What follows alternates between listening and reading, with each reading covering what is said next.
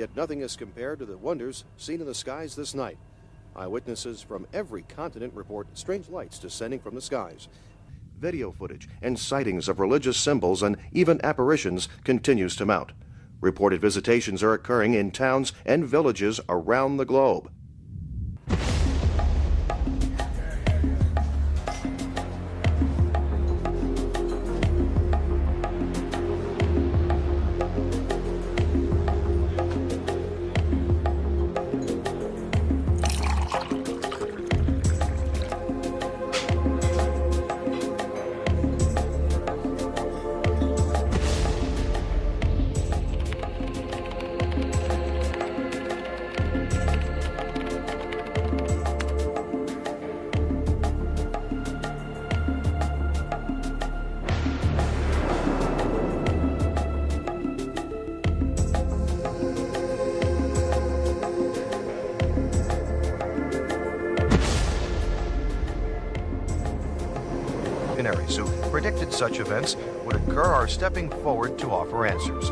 Say we should welcome these visitors as benevolent and that they are here to help us move into a new era of peace and global unity.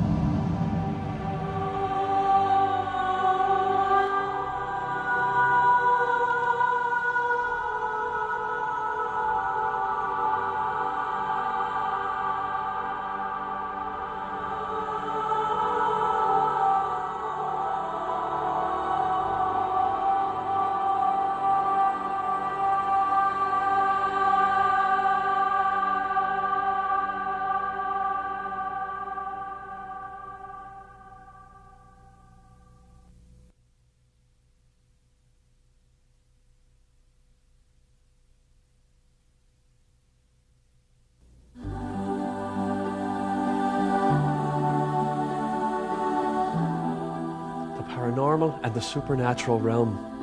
How should the average person react to claims of apparitions visiting Earth? They're unexplainable, yet millions of believers lend credence to the possibility that something is happening. Recent appearances of Mary have been reported in nearly every habitable nation. Are these events legitimate? Is God sending us a message? However you answer, one thing is certain. The apparitions of the Blessed Virgin Mary draw millions to every corner of the globe.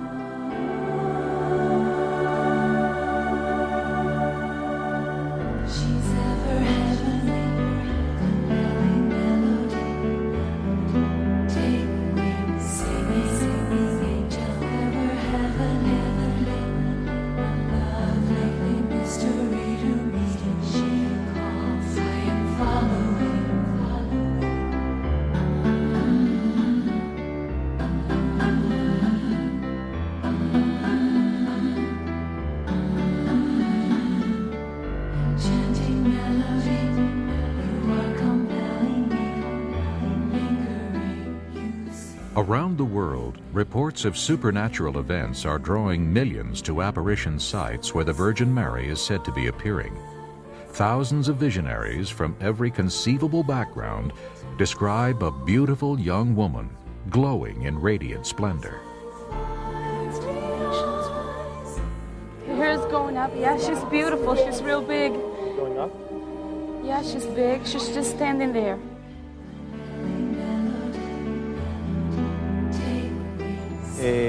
Vimos a la Virgen Santísima. It just paralyzed us. It was so impressive. She emanated an incredible light. Me quedé paralizada. It was podía pensar. Era as if I had entered into another world. There was such silence. She appears as a living, breathing, three dimensional lady, enveloped in exquisite light. Seers, when describing her, admit that the Queen of Heaven transcends human description.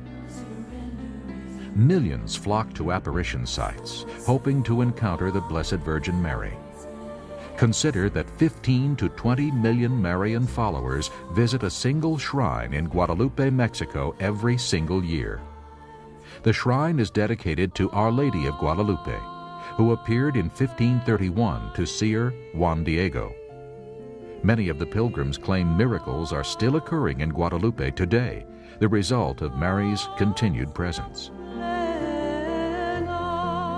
In war torn Bosnia, an estimated 30 million pilgrims have visited Medjugorje since the apparitions of the Blessed Virgin Mary began in 1981. Besides the six visionaries who regularly receive messages from the Virgin, thousands of pilgrims claim to see signs and wonders, experience healing, and hear the voice of Mary at Medjugorje.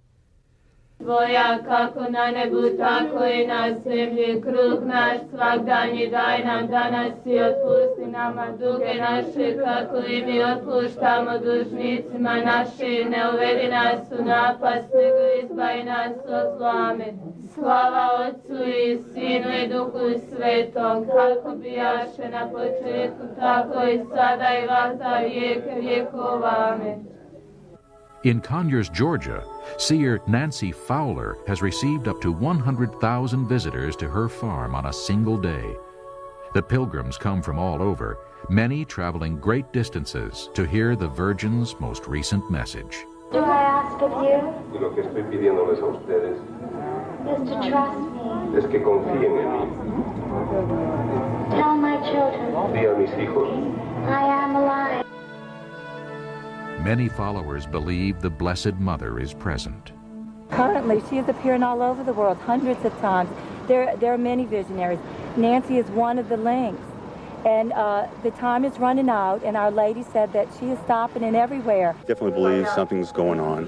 And for all those who believe, they may now have the proof they need to convince others. Two scientists from Columbia came to the farm yesterday to study Fowler, and they say she is definitely seeing something when she goes into her trances. It has a brain activity that looks and seems to be like coma, but she is awake and fully responsive. Conyers, Georgia is not unique. Apparitions from almost every state in America are being reported. From New York to California, visitations from a supernatural lady identifying herself as Mary, the mother of Jesus, have been documented. Nor is this phenomenon unique to America. She is appearing everywhere.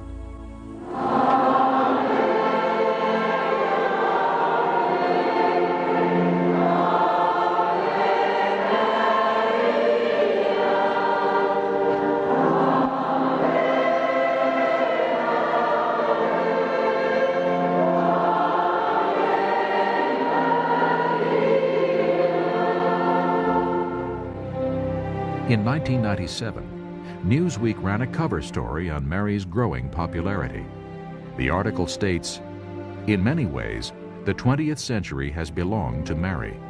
From almost every continent, visionaries have reported more than 400 apparitions of the Virgin, more than in the previous three centuries combined. Taken together, these visions point to what the Marian movement believes is a millennial age of Mary. In Lourdes, France, the site of the apparition of Mary that proclaimed herself the Immaculate Conception, five and one half million pilgrims descend upon the Virgin's shrine annually. Pilgrims come to adore Mary and drink from the miraculous spring. Many reported healings have been documented. The devotion to the Blessed Mother at Lourdes and around the world is remarkable. Poland's Marian shrine our Lady of Jasna Gora draws an estimated 5 million pilgrims a year. Known as the Black Madonna of Poland, she is considered the Queen of Poland by Pope John Paul and the faithful.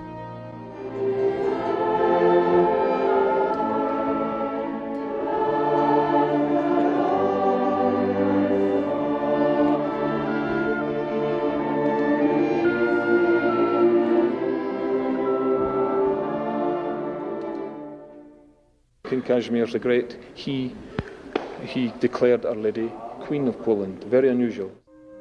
Father Simon Stefanovitz explains Mary's importance to the people of Poland and her abiding presence at Jasna Gora. Devotion is very strong and very widespread. Constant revelation and constant apparition of Mary through this answering the prayers and the trust to God through Mary. This I could say.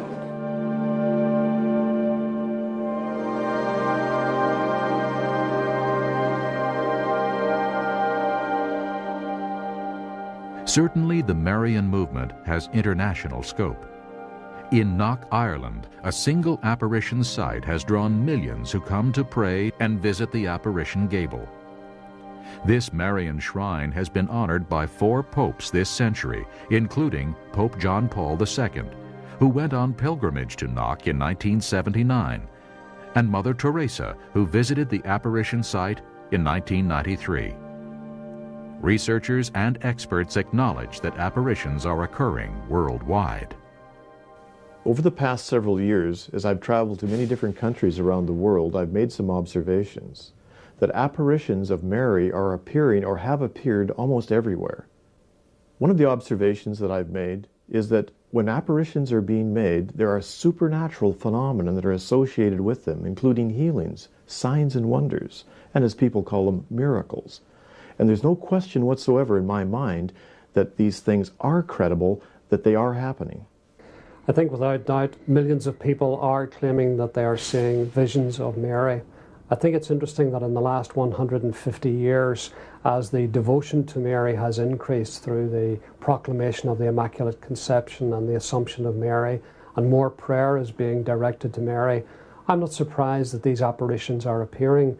The following of Mary today is becoming worldwide. I, I believe that it is going not only to become greater in America, uh, but uh, already in South America and Central America, because that's where I've been so many times, it, it's huge. Uh, as a matter of fact, if you don't believe in, in, Mary, you know, you're like a cast off. The apparitions of uh, uh, Virgin Mary are supernatural. There's no doubt. Uh, beginning in Medjugorje, it's spreading all around the Croatia. And uh, people are devoted to Mary because it is a supernatural power. Unlike other alleged paranormal activities, evidence indicates that the apparitions of the Virgin Mary are of a supernatural origin and that her motives are pure.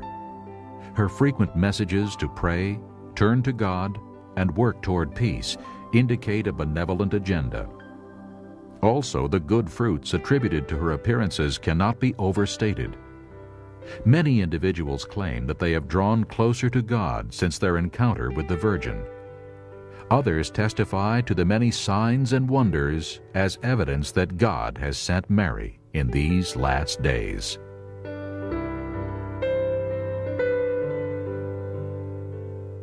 It's just so much bigger than it actually is just because of the, the miracles that take place here. I mean, there's crutches in the corner and people have been healed here. As you can see, like from uh, like the, the hands and like up here, and it, it soaked the inside. This was like uh, full of oil. They have like cups and stuff. Nice. Exuding oil by itself? Yeah, it's uh, this is uh, something that's common in Egypt. This happens a lot, and they're used to it. It's really not unusual. It's just unusual that it happened here in America. A chance for for people to see that there is a miracle here and try to get them to, to, to, believe in, in something that might a lot of people might not believe in just hearing about it. They say God works in mysterious ways. I saw the Virgin. She came out of the clouds, you know, and I saw her. I saw the uh, the silhouette. I saw the Virgin Mary wearing a crown of gold. Mary had turned her silver into gold. This was all sterling silver. The beads and the crucifix, everything is gold. I touched my rosary to the cross hanging outside the home, and it actually turned from silver to gold. And the silent young man himself produces one picture after another of the Mother Mary, along with statuettes, all with liquid coming from the eyes. What do you believe is on that cotton wool? Mary's tears. Tears of Mary. Is it, I mean, physically, what do you believe it is? The tears of Mary. Tears of Mary. You don't think it's scented oil? No. no. It's impossible.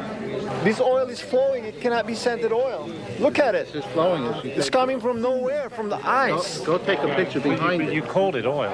Yeah, it's oil. It's it's oil, and the meaning of that is anointing the sick.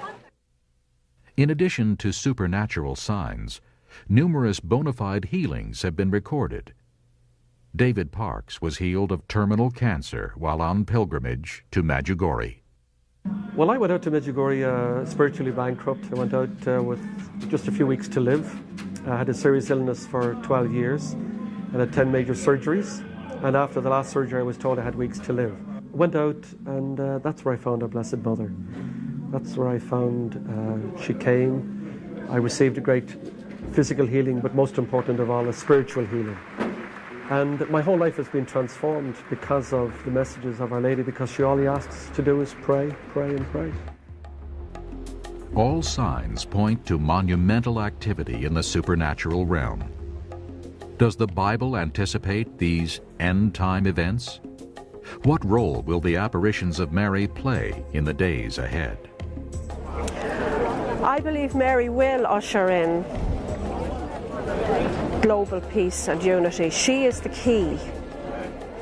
She has said that her Immaculate Heart will triumph. And it will, and I believe it's very soon. But she did say that in the end her Immaculate Heart will triumph and there will be a time of peace. And um, so it's definitely, um, if we follow Our Lady's request, that's praying the Rosary every day, for the world to be consecrated to her Immaculate Heart and for us to do the, the, the devotions of the first five Saturdays, then Our Lady said that in the end her Immaculate Heart will triumph and there will be peace and a time of, of, of goodness and peace in the world. Mother Mary's apparitions are appearing more, much more frequently today than they did in the past, uh, because uh, from what we see through this theological lens, it's approaching the eschatological times, the end times, uh, very nearly now. The evil is so intense that in history, whenever it seems like it reached an impossible place for us, then God steps in. And he steps in with Mary as the commander in chief of all of the forces that she's grown to. love. Do you see how these people love her in this Marian conference? These events are truly remarkable. Millions of devout believers all over the world follow and obey the apparitions of Mary. However, the Bible tells us to test all spirits, even those that come in the name of Christ. As Christians, we believe the Bible is God's inspired message to mankind. Let's divert for a moment and examine some of the evidence which demonstrates that the Bible is truly God's Word and our only source of discerning spiritual truth.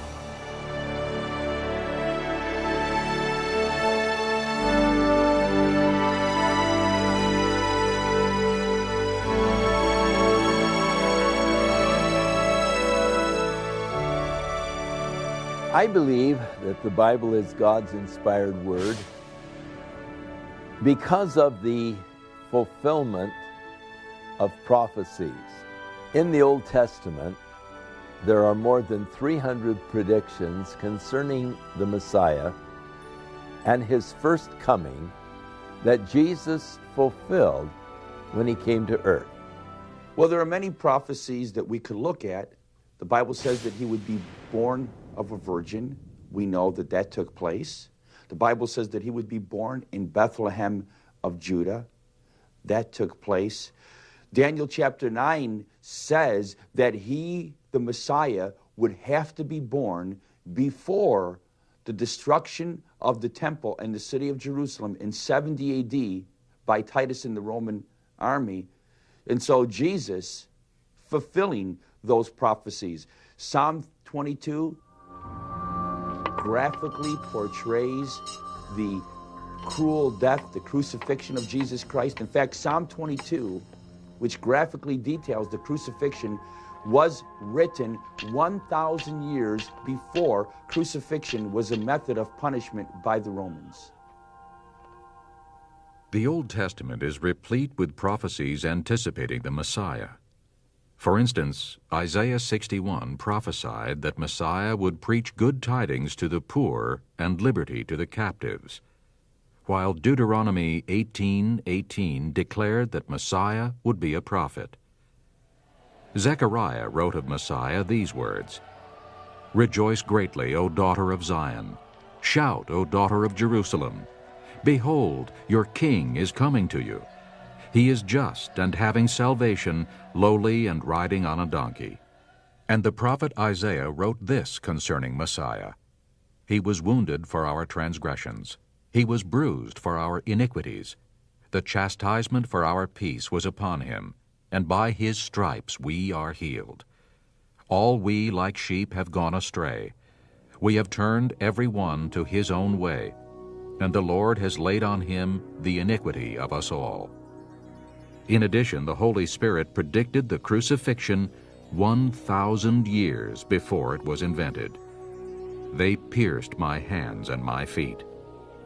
As well, God spoke through Zechariah, And I will pour on the house of David and on the inhabitants of Jerusalem the spirit of grace and supplication. Then they will look on me, whom they pierced. What are the chance factors that Jesus could have fulfilled these 300 predictions? One of the predictions is that Bethlehem would be his birthplace. Now, what chances are there for a individual to be born in Bethlehem? Well, you take the average population of the earth from the time of Micah's prophecy, and you compare it with the average prop, uh, population of Bethlehem. And you find that only one in 280,000 people were born in Bethlehem. The minute you say Bethlehem would be his birthplace, you've eliminated the vast majority of people from claiming to be the Messiah. It declared that he would be betrayed by a friend for 30 pieces of silver. It said the silver would then be thrown down in the temple in the house of the Lord, and it would be used to buy a potter's field. Jesus fulfilled over 300 Old Testament prophecies. Uh, I, I, have a, a mere bachelor's degree in math. I know a little bit about probability. And uh, it couldn't happen by chance. Furthermore, there are things that you just couldn't manipulate uh, either.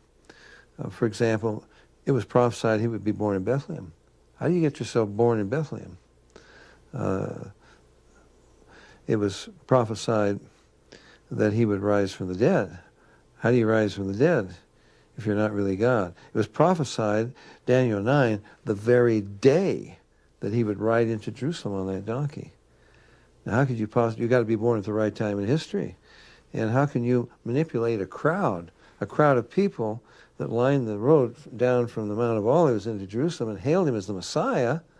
How are you going to do that? Every detail of his betrayal, the price of the transaction, where it took place, who finally ends up with the money, uh, and on and on it goes. Uh, incredible details, all laid out in advance.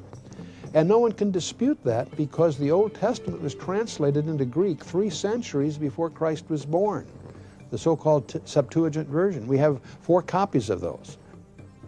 Amazingly, Jesus fulfilled all the messianic prophecies exactly, though they were written hundreds of years before his birth. The probability of fulfilling just eight of these prophecies has been calculated to be one chance in 10 to the 28th power. Certainly, Jesus is the Messiah, God the Son, the Savior of the world. When Luke wrote to his friend Theophilus, the book known as the Acts of the Apostles, he said that Jesus showed himself alive after his passion or death by many infallible proofs. With Jesus, there were many eyewitnesses of his resurrection. In fact, Paul tells us that there was over 500 at one time. The capstone of Christianity is the resurrection of Christ. The evidence that Jesus rose from the dead is overwhelming. First, the New Testament reports that hundreds of eyewitnesses saw Jesus after he rose. If I told you that um, John F. Kennedy was killed in Dealey Plaza by a bow and arrow, Could I ever sell you that story? Of course not. Why? Because among us are eyewitnesses to that event. And when Paul wrote his first letter to the Corinthians, among his audience were hundreds of people, because over 500 people witnessed the Lord's return. So he didn't have the burden of, of, uh, of trying to create that out of thin air. The people that he was writing to were aware of it. Second, the Roman and Jewish authorities were never able to produce Christ's body, though they sealed and guarded the tomb. There are two major responses to the resurrection. The first is Rome, which is, when you read in the Gospels, is quite muted, uh, bearing in mind that uh, there were strong military power in Palestine at the time, and they could have, um, had the, the disciples stolen the body, they could have got the might of Rome to produce that body, but they didn't, which suggests to me that the resurrection was genuine. If the resurrection of Jesus Christ didn't occur, it would have been very easy to disprove. Point to the body. The body of Jesus Christ was not found. Third, the apostles, who were cowards during Jesus' trials and crucifixion, became bold witnesses of his resurrection after they met the risen Lord, even to their dying breath. With regards to the disciples, um, their initial response is one of fear, uh, intimidation of the Jews, but after the resurrection, there's a great boldness. Um, so again, that suggests to me that something happened that changed their lives, that they were willing even to die as a result of the gospel they preached regarding the coming of the Lord Jesus Christ. Suddenly, you find in a few weeks' time that these men are going forth into all the world to proclaim a risen Christ. It is quite evident that the change of heart that they experienced was because they had truly seen the risen Christ. There is no other logical explanation for it. And these men, all but one of them, lost their lives proclaiming Christ, Him crucified, and Him risen from the dead. Only one of them reached a ripe old age, and that was John. So it is quite clear that the evidence of history in the lives of these men confirms the resurrected Christ. Furthermore, Jesus' death and resurrection changed the course of history and rewrote time from BC, meaning before Christ, to AD or Anno Domini, meaning the year of our Lord. Anyone rejecting Christ's resurrection or the Bible as the inspired Word of God is rejecting a fact proven more absolutely than any other fact in the world. Someone has said that the Bible is like an anvil, that the hammers of men have been pounding against it for centuries. The hammers have long worn out, but the anvil still stands. And so the Bible, God's Word, people have attacked it for years, it still stands, and the attackers have long fallen. Truly, the Bible is God's word to mankind. 2 Timothy 3:16 states that all scripture is given by inspiration of God and is profitable for doctrine and for instruction. In John chapter 1 we are told that Jesus himself is the word of God. And Psalm 138 declares that God has even magnified his word above his name. It is with the word of God that we will test these messages from heaven.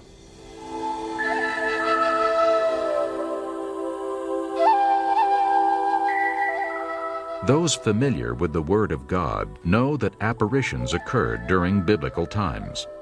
Trances and uh, apparitions are biblical. If we look in the Bible, we see examples, say, for example, in Acts 10, where Peter is fasting and, and in prayer, and he falls into a trance. And in this trance, an angel appears to him, and as a result of that, he brings the gospel to the Gentiles via Cornelius. And today, there is significant evidence that apparitions are manifesting. For example, the video Marian Apparitions of the 20th Century documents visionaries during actual encounters with an apparition.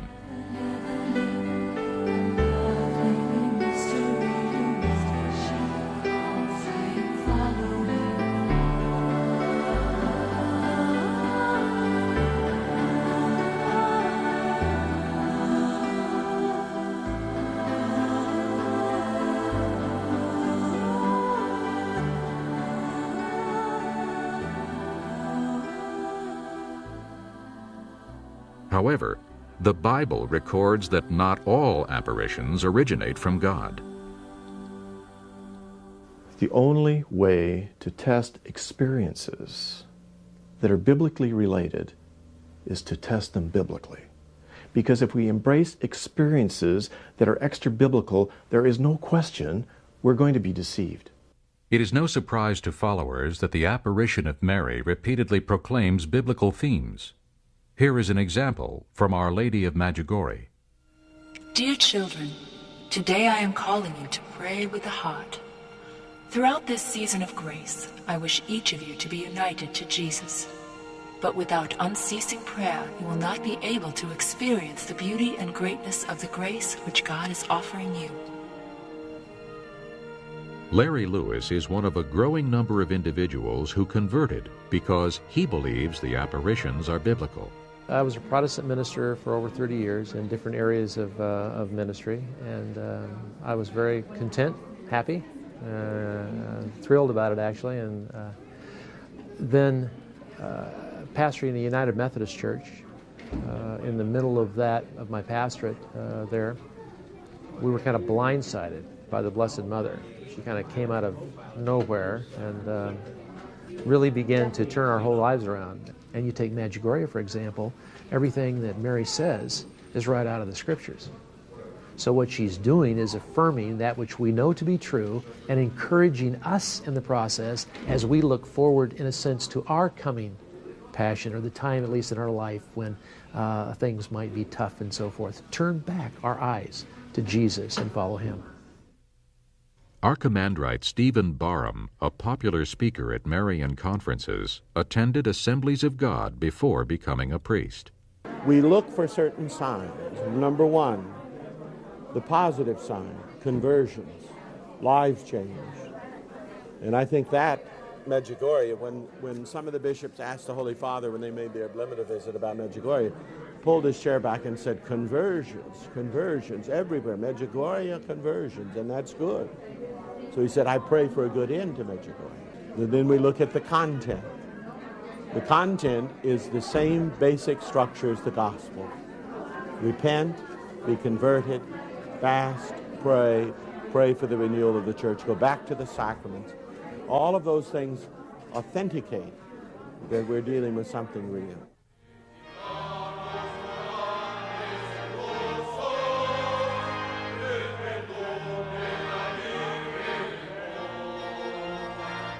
For these reasons and others, the Roman Catholic Church has approved several apparitions.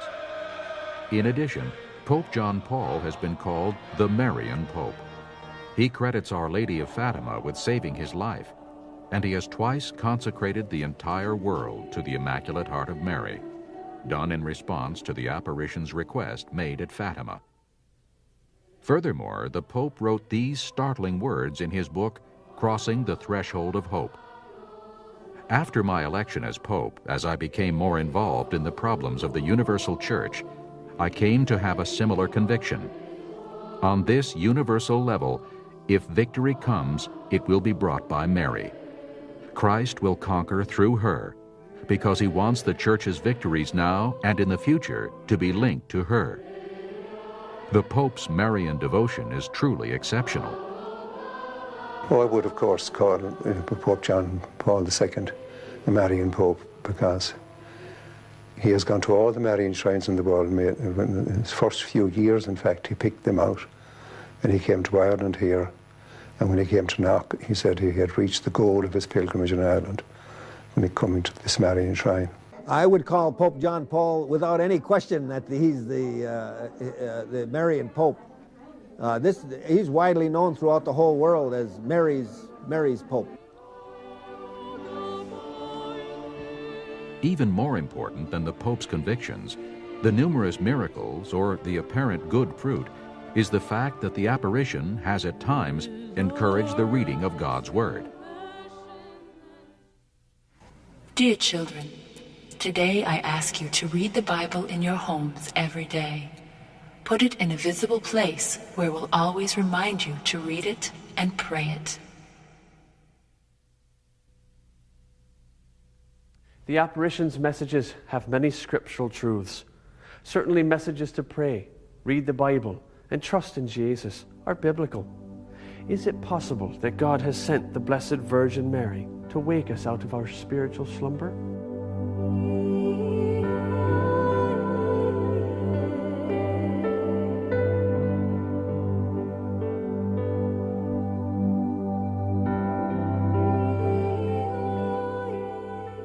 There's other marks around the building, but it doesn't form a pattern like she is. I think it's for real. It's a miracle. This is the Blessed Mother's way of screaming at people.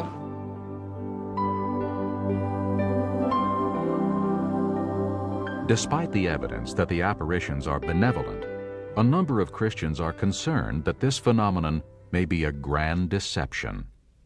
The scriptures warn us very clearly that Satan is a master deceiver and that Satan actually can appear as an angel of light.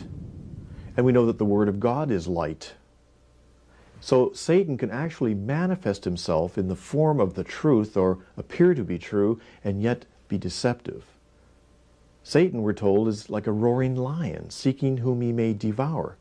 Or as Paul writes, he is the one whose schemes or plans to deceive the whole world. He's the God of this world who blinds the minds of the unbelieving so that they might not see the light of the glorious gospel. He has a master plan to deceive. I believe that we must test every experience by the Word of God.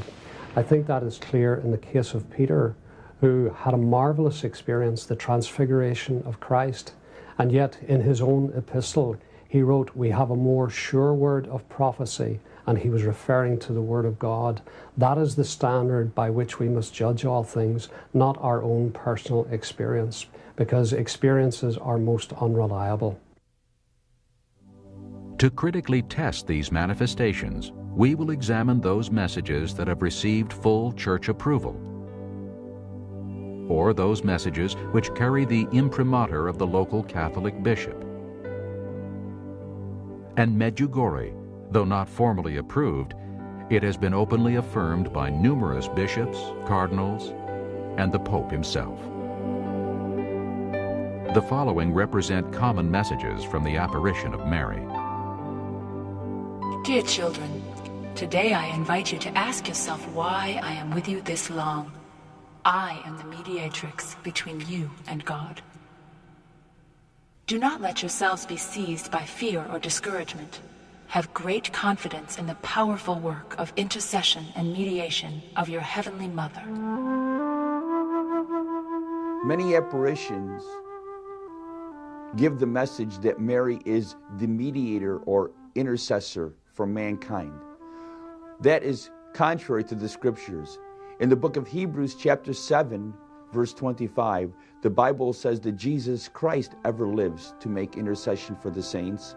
And in the book of 1 Timothy and in the book of Hebrews, the Bible declares that there is one God and one mediator between God and men, the man Christ Jesus. For someone to be the mediator between God and man, he had to be fully God, he had to be fully man, he had to be sinless, and Jesus Christ, indeed, is fully God and fully man. Little children, I am the mother of good counsel, mediator who is trying to persuade you to listen to the call. My message is of faith, love, and hope. More than anything, it brings reconciliation between people and nations. It is the only thing that can save this century from war and eternal death. Jesus is the only way, the only truth, and only life, and He is the bridge builder between God and men. And if you try to go to the right or the left, you'll never get there. It's only through Jesus Christ, period. The Bible states clearly there is one God and one mediator between God and men, the man Christ Jesus. Not only does the apparition claim to be our mediator and intercessor, but she also claims to be our advocate with God. The world is degenerating, so much so that it was necessary for the Father and the Son to send me into the world, among all the peoples, in order to be their advocate and to save them. We are told in 1 John 2 that if any man sin, we have an advocate with the Father, Jesus Christ, the righteous. Christ alone was righteous, and therefore he, on the basis of his righteousness, is able to intercede, to advocate for sinners. And so these roles belong exclusively to Christ and cannot in any shape or form be ascribed to Mary. Jesus Christ is our advocate. He never suggested that anybody come to him through Mary. Never on this earth and not now. Never ever is this stated. And furthermore, it denigrates Jesus Christ. Why can't I go right to him? He's my Savior. He's the one who loves me. And he said that we would go to the Father through him. Then where does Mary come in? Not in the Bible. In addition to these claims, the apparition actually says she is here to save the world. I call upon you to open yourselves completely to me, so that through each of you I may be enabled to convert and save the world. I alone am able still to save you from the calamities which approach. Those who place their confidence in me will be saved. My daughter, in this time I am the ark for all your brethren. I am the ark of peace. I am the ark of salvation, the ark where my children must enter if they wish to live in the kingdom of God. I think it's most important in Matthew chapter 1 when the angel appears to Joseph to announce the impending birth. He says, first of all, about Mary, she shall bear a son. That is to be her role, to bear a son. And then he says to Joseph, and this is what he had to do Thou shalt call his name Jesus, for he shall save his people from their sins.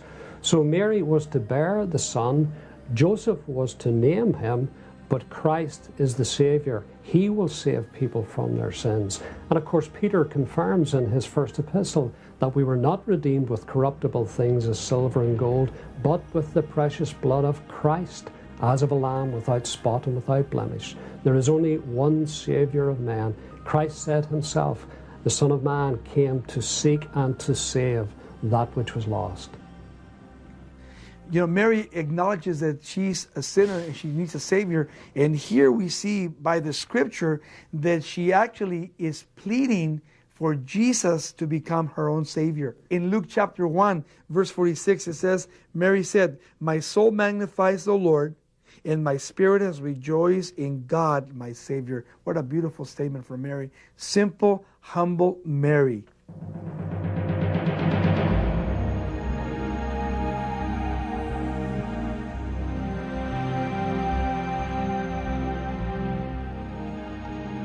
The Apostle Peter proclaimed that Jesus has become the chief cornerstone, nor is there salvation in any other. For there is no other name under heaven given among men by which we must be saved. And throughout the Bible, God proclaims, You shall know no God but me, for there is no Savior besides me. Furthermore, the apparition ascribes to herself many additional characteristics that only God possesses. For example, she claims to be ever present. You will never be alone. My immaculate heart will be your refuge and the way which will lead you to God. At every moment, you must be just as I would have you be. At every moment, you must do just what I would have you to do. Do not be afraid. I will always be near you. Do not be grieved. I am with all of you, even though you do not see me. I am mother of all of you sinners. An amazing thing about the apparitions, she is claiming to be at the same place at the same time all over the world. That is claiming to have attributes of deity. Only God has the attribute of omniscience, omnipresence, and omnipotence. They are ascribing godlike qualities to Mary, who was a humble handmaid of the Lord, obedient to the Lord. She is a wonderful example to believers, but she is certainly not the omnipresent, omniscient, omnipotent Mary of Roman Catholicism. Of course, Jesus, who is God Almighty, promised his followers, I am with you always, even to the end of the age. The apparition has even proclaimed herself co-redemptrix. I stand here as the co-redemptrix and advocate. Everything should be concentrated on that. Repeat this after me. The new dogma will be the dogma of the co-redemptrix. Until I am acknowledged there where the most holy Trinity has willed me to be, I will not be able to exercise my power fully in the maternal work of co-redemption and of the universal mediation of graces. The whole idea that Mary is to be a co-redemptrix of, of Jesus Christ, of course, is contrary to biblical understanding. It's one thing to be a little heterodox, it's one thing to be at the periphery, it's quite another to go in direct opposition to the central truth of the Bible. We're not talking about details. Many denominations have exaggerations or views about some of the, what we'll call peripheral issues. We're talking here about going head to head to the central theme of the gospel. And when I say gospel, I mean that theme that God has laid out from Genesis chapter 3 to the end. And uh, that's why these, th- these assertions, these claims, are, are anti biblical, not just non biblical, anti biblical, and uh, are dangerous.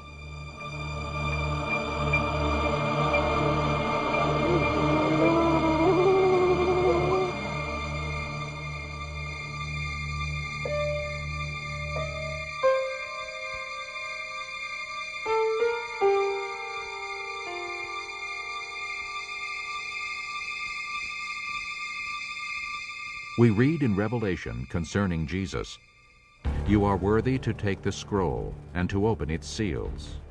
For you were slain and have redeemed us to God by your blood. And throughout the Bible, God reiterates that He alone is the Redeemer. As for our Redeemer, the Lord of hosts is His name, the Holy One of Israel. In addition to these anti-biblical assertions, the apparition of Mary claims to suffer and even atone for sins. I love you even when you are far away from me and my son. I ask you not to allow my heart to shed tears of blood because of the souls who are being lost through sin. For a long time I have suffered for you. If I do not want my son to abandon you, I am forced to pray to him myself without ceasing. You pay no heed. However much you would do, you could never recompense the pain I have taken for you. I boldly assert that his suffering became my suffering because his heart was mine. And just as Adam and Eve sold the world for an apple, so in a certain sense, my son and I redeemed the world with one heart. Uh, in many of the apparitions that people are getting today of Mary, she claims to suffer and uh, atone with Jesus. Uh, that is not biblical because the Bible declares that Christ uh, suffered for our sins. In fact, when he died, he said, It is finished. He has paid our sins and our suffering completely on the cross. Peter writes, For Christ also suffered once for sins, the just for the unjust, that he might bring us to God, being put to death in the flesh, but made alive by the Spirit. And the book of Hebrews states that Jesus, after he had offered one sacrifice for sins forever, sat down at the right hand of God, from that time waiting till his enemies are made his footstool. For by one offering he has perfected forever those who are being sanctified. There is no longer an offering for sin. I've often heard Roman Catholic people and prelates teaching that Mary was suffering for sin. But by saying that, they fail to understand what it means to suffer for sin. To suffer for sin is to suffer vicariously as a substitute, and it means to take punishment inflicted upon you by God.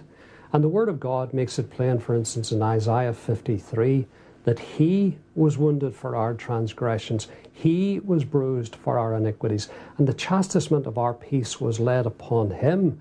This is referring prophetically to Christ. The last verse of Romans 4 says that He, Christ, was delivered for our offences. Peter says that He, that is Christ, bore our sins in His own body upon the tree. And the suffering for sin had to involve death because the wages of sin is death. So therefore, Mary in no sense suffered for us. This comparison could go on and on, as the apparition ascribes to Mary nearly every attribute found only in Christ. For instance, the Bible says that all have sinned except Jesus, yet the apparition claims to be sinless. While Jesus is the new Adam, the apparition claims to be the new Eve. Jesus ascended bodily, yet the apparition claims that Mary was assumed bodily. Jesus alone destroyed the works of the devil, yet the apparition claims that Mary will crush the serpent. The Bible calls Jesus the morning star, while the apparition refers to Mary as the morning star. Despite the apparition's claims, God is jealous for his glory.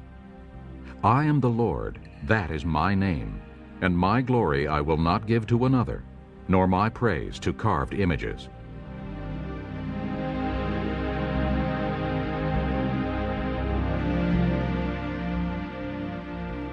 We have examined only church approved messages and those from Medjugorje, yet even these clearly contradict the Bible. Certainly, the humble maid servant of the Lord would never draw attention to herself, nor would the Blessed Virgin Mary ever contradict the Word of God. If this is not the Mary of Nazareth, then how do we explain these events? Who or what is behind these manifestations?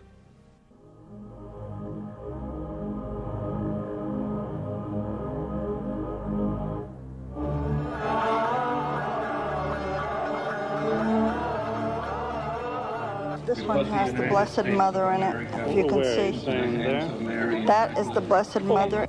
We did see the miracle of the sun. We saw the sun spinning. Uh, so we were very uh, thrilled. I saw the cross, okay, right, okay, in the sun, and then I saw the host right in the middle of the sun, and then I saw another circle. Some of the apparition's messages are shamelessly unbiblical. I am she who is related to the divine Trinity. I am the Virgin of Revelation. Yet God declares, I am the first and I am the last. Besides me, there is no God. My children, I am the door of heaven and the help on earth. In the Sermon on the Mount, the Lord referred to the broad road which would lead to destruction, and many there be that find that road. But then he talked about the narrow road, namely himself, and few there would be who would find him. So it is the narrow road. There is only one path to God. Jesus said, I am the door. By me, if any man enter in, he shall be saved. There is only one way to heaven, and that is through Christ and him crucified. There are many other problems. For instance, the apparition even commands her followers to venerate her statues. As mother, I want to tell you that I am here with you, represented by the statue you have here. Each of my statues is a sign of a presence of mine and reminds you of your Heavenly Mother. Therefore, it must be honored and put in places of greater veneration. You should look with love at every image of your Heavenly Mother. Contrast this with the Lord's command given in Deuteronomy Take careful heed to yourselves, for you saw no form when the Lord spoke to you at Horeb out of the midst of the fire, lest you act corruptly and make for yourselves a carved image in the form of any figure, the likeness of male or female. The apparition has also requested shrines be erected in her honor around the globe. I ardently desire a temple built for me here, where I can show and offer all my love, compassion, help, and protection. For I am your merciful mother.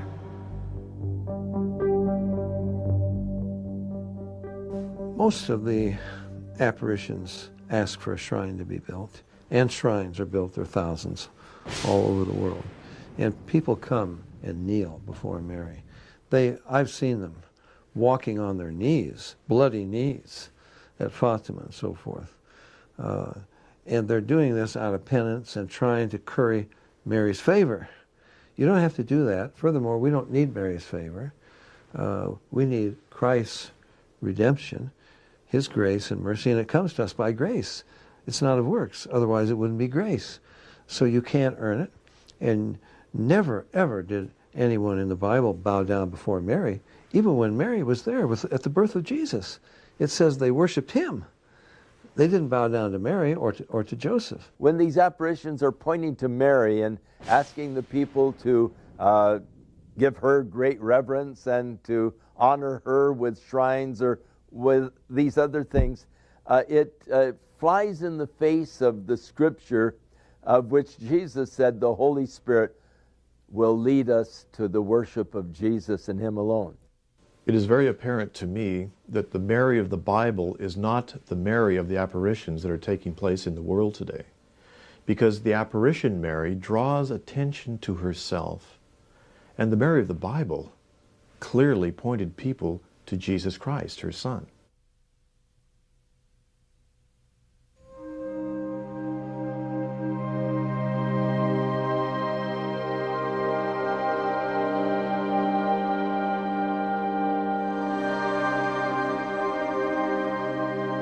If the apparitions are not Mary, who then is appearing? Ironically, the apparition gives us the answer. I am Mary, the Queen of Heaven and the Queen of Angels. Mary is definitely the Queen of Heaven. She's a mother of God. She's our mother. There's no other woman in this whole world that ever could compare to the Blessed Mother. The apparitions often come in the name or the term the Queen of Heaven. And this is interesting to me in light of the scriptures, because in the Old Testament, Jeremiah talked about very clearly the Queen of Heaven as an abomination before God. Repeatedly in the book of Jeremiah, God himself identifies the Queen of Heaven as a pagan goddess and rebukes his people for following her. My people Israel make cakes for the Queen of Heaven, and they pour out drink offerings to other gods, that they may provoke me to anger. Therefore, thus says the Lord God, Behold, my anger and my fury will be poured out on this place. When I hear the title Queen of Heaven, it reminds me of a prophecy from book of Jeremiah, when uh, Jehovah God rebukes people when they offered sacrifices to the Queen of Heaven, and it was against his will. And he was mad because he's a jealous guy, jealous God, and uh, his glory he won't give to anyone. The only title to Queen of Heaven in the Bible is a female deity that was condemned by God in the Old Testament in Jeremiah chapter 7 and Jeremiah chapter 44. And I find that title given to the Mary of the Bible as being extremely offensive.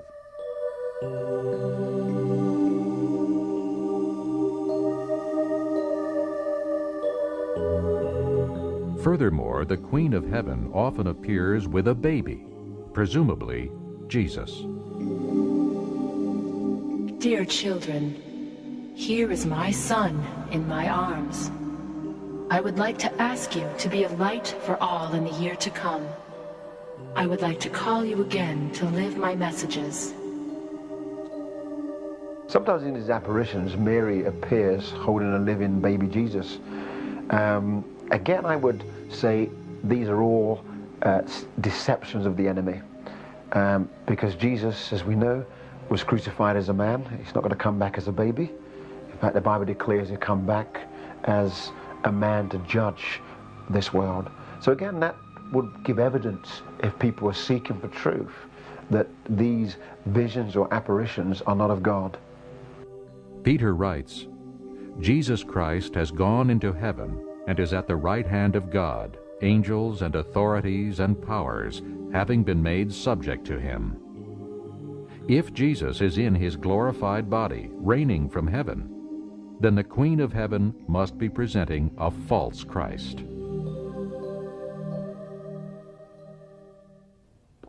The Queen of Heaven has been around for millennia, seducing and deceiving God's people. Is it possible that she is the entity that is impersonating Mary? Does the Bible indicate that she will be active during Earth's final days? Do the scriptures warn us of a wicked woman, lady, and queen who will deceive the nations?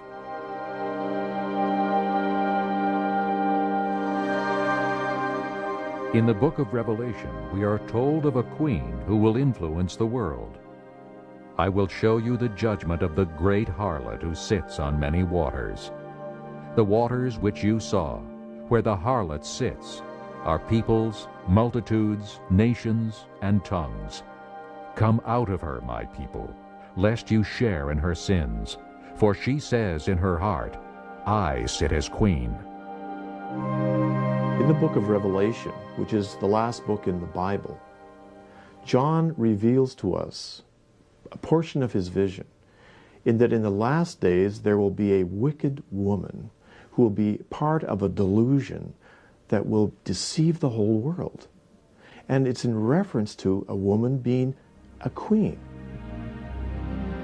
Of course, the apparition often refers to herself as the queen the Lady of all nations, who is the bride of the Lord, the Queen of the King, who has now received this title from the Lord. She has once again saved the world by her intercession, once more saved it.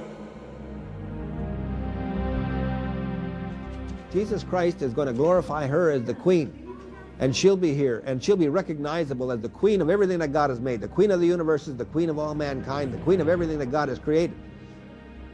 And she'll be the queen, and she'll be a glorified queen. It, it'll, it won't be any question about who she is. And she will be, she'll be the loving mother of Jesus Christ who has all power. In addition, Isaiah chapter 47 predicts the end time demise of the Lady of Kingdoms. Come down and sit in the dust, O virgin daughter of Babylon. Sit on the ground without a throne. For you shall no longer be called the Lady of Kingdoms. But these two things shall come to you in a moment, in one day, the loss of children and widowhood. They shall come upon you in their fullness because of the multitude of your sorceries.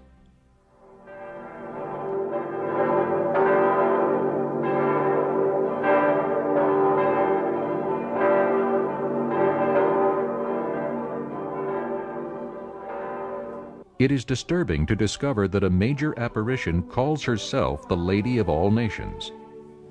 At the International Day of Prayer of the Mother and Lady of All Nations, held since 1997 in Amsterdam, thousands gathered to honor and spread the messages of the Lady of All Nations. I, together with my auxiliary bishop, Monsignor Punt, approve the title Lady of All Nations and allowed its public veneration.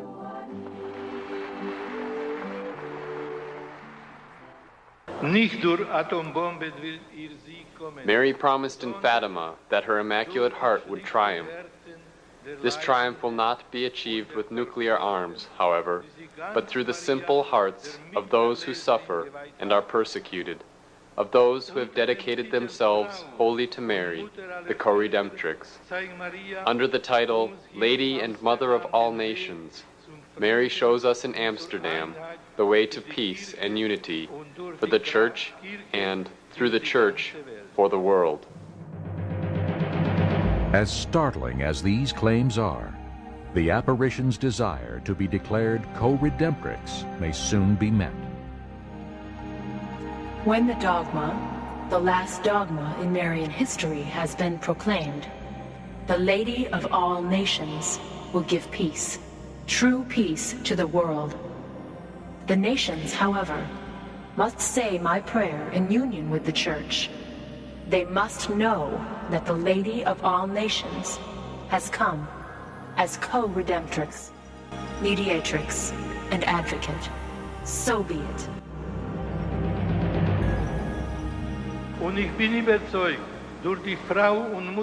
I am convinced that through the Lady and Mother of all nations, we will be led into the deepest mystery, the co redeeming task of Mary.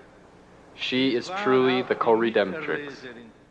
There is an apparition that is taking place today in Amsterdam that says, I am no longer Mary, I am the Lady of all nations. And it's this apparition that claims that she must be the co redeemer, and that if she is proclaimed co redeemer by the Pope, then she will usher in an era of peace. It is also interesting that almost all apparitions stress the importance of peace and unity. For example, the apparition that identifies herself as the Mother of the Eucharist has declared, Speak about the Mother of the Eucharist, because the Mother of the Eucharist closes history. All the messages come from God, and everywhere that I am appearing, I am speaking about the same things. Because through the triumph of the Eucharist, the Mother wants all the churches to be reunited, so that there will be only one church for all the people.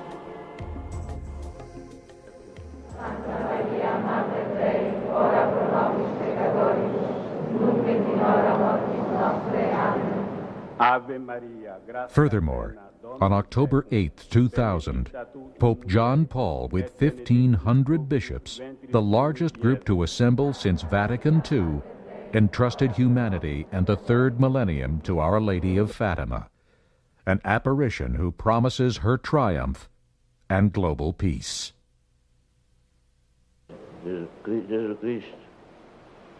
Dear God, you have given us the Mother of Queen as Queen. Through her intercession, grant us the grace of living eternity with she and her Son. So her, her goal and her objective is, uh, is to bring uh, the body of Christ together and through so that we who have been separated whether it's the orthodox whether it's the protestants whether it's uh, from the catholics you know whatever group you're talking about we who have been uh, estranged from one another for all of these years would come together that we might in fact be the body of christ as a whole unit as christ prayed in john 17 that we would be. To me the marian movement has reached out beyond the catholic church it is apparent that a common front is being presented by these apparitions around the world, no matter where they take place. There's a common message, and that is a global peace, global unity for peace, and no one apparition has ever denied any other apparition. Well, I think the, the world is very, very hungry for peace, and uh, clearly there will be no real peace until the Prince of Peace comes. There will be a false peace. The Bible lays out a great deal of detail of world events the whole geopolitical horizon is laid out in a period of time that we call the end times. The messages of peace are uh, also prophetically relevant. But the Bible tells us when they say peace and safety, then comes sudden destruction. This global peace and unity theme is interesting because the world is also moving towards what is called ecumenicalism. And uh, that all sounds good at first. Gee, we're all going to get along. Until you realize it involves the denial of truth. The Bible warns of a false peace and unity that will deceive the nations. Furthermore, Jesus and the New Testament writers caution that deception will increase in the last days. For example, Paul writes, But evil men and impostors will grow worse and worse, deceiving and being deceived. In addition, the Bible warns that the coming of the lawless one is according to the working of Satan, with all power, signs, and lying wonders, and with all unrighteous deception among those who perish, because they did not receive the love of the truth, that they might be saved. Throughout the New Testament, we see many different writers, and of course Jesus himself, warning regarding deception in the last days. Jesus said, Many will be deceived in my name by many. Paul talked about this deception regarding an apostasy that would take place and many being deceived believing the lie. Peter writes about the deception.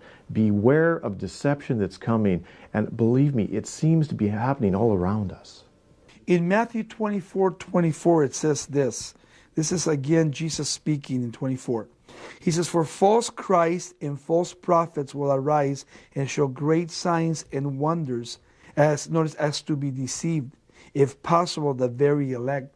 So Jesus here in the 24th chapter, he's speaking to his disciples, he's speaking to us too, and he's sharing that in the last days there's going to be a great deception.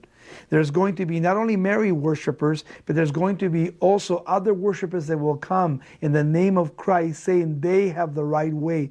Jesus predicts that uh, prior to his return, that false prophets would arise, and if possible, would even deceive the elect. Um, that suggests to me that uh, these signs and wonders would be so convincing that uh, apart from the grace of God, even genuine Christians can find themselves being deceived and led away. And only by trusting in Jesus and Him totally will we find liberty and freedom from sin. And I would call upon you, if you're, you're, you're out there and you're trusting in your church, you're trusting in your works, none of that will save you. What you need is to believe in the Lord Jesus Christ, that He will set you free and He will give you eternal life today. Whenever a person says that they are trusting in Jesus and, the moment they say and, they've gone too far. Our trust in Jesus alone will bring to us salvation and eternal life. There is a uh, hymn that is sung in the church uh, that talks about, I dare not trust the sweetest frame, but wholly lean on Jesus' name. On Christ, the solid rock I stand. All other ground is sinking sand. The Bible is very clear regarding the gospel of Jesus Christ. And that is the message which sets us free that Jesus Christ loved us so much that he himself came to this earth and died for us as a sacrifice for our sins. We couldn't do it. He did. And because of his sacrifice, and because of who he is and what he's done, and when we recognize who we are and what we've done, and ask him to forgive us for our sins, the Bible says that we can enter into a relationship with him, the creator of the universe, and that relationship will last for eternity. Jesus is the creator, he is the redeemer. There is only one redeemer, and his name is Jesus Christ.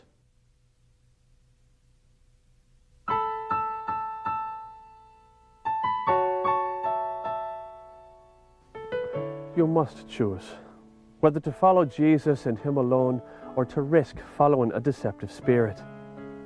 Jesus loves you and offers eternal life freely for those who will turn to Him by faith. However, the Lord will not force you to follow Him. The choice is yours. Our prayer is that you will test these events with the Word of God and trust in the Jesus of the Bible.